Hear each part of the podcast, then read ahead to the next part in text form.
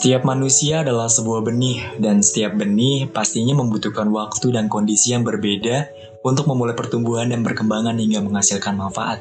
So, whatever you do, just focus on yourself and love yourself first.